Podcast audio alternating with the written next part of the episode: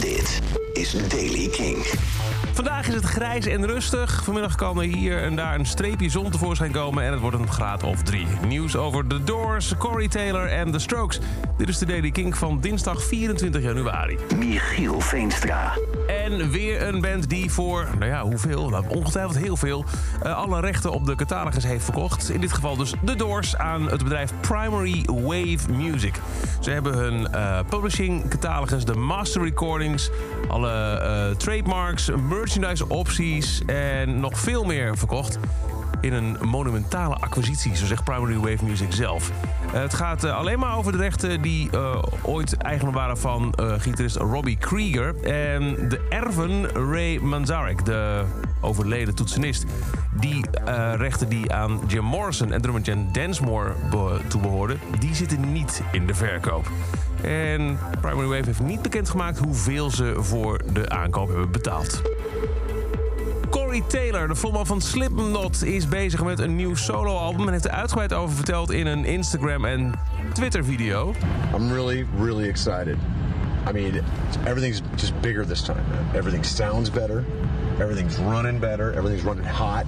Um, instead of where I came from, this is where I'm going. Musically, it's harder. It's it's faster. It's but there's still tons of stuff from the first album. So there's elements of Slipknot. There's elements of Stone Sour. There's elements of um, the, you know CMFT. There's elements of the stuff that I've been doing for years. Uh, En zo gaat hij nog eventjes door. Really excited. Wanneer er iets komt, dat weet hij niet. Maar zegt hij op een gegeven moment zelf...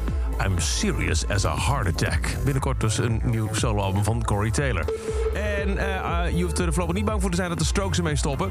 Albert Hammond Jr. heeft in een interview verklaard dat hij denkt dat de band nooit zal stoppen. Dat deed hij naar aanleiding van een interview... omdat er binnenkort een boxset uitkomt. De Singles Volume 1 met alle singles, B-kantjes en andere gekke dingen die ze hebben uitgebracht de afgelopen 20 jaar. Eh, een interview dus erover. En de vraag was, kan de band nog eens 20 jaar doorgaan? Nou ja, zegt hij, absoluut. Ehm, als ik heel eerlijk ben, ik denk niet dat we ooit zullen stoppen. Nou, prima. We kunnen nog een poosje mee met de Strokes.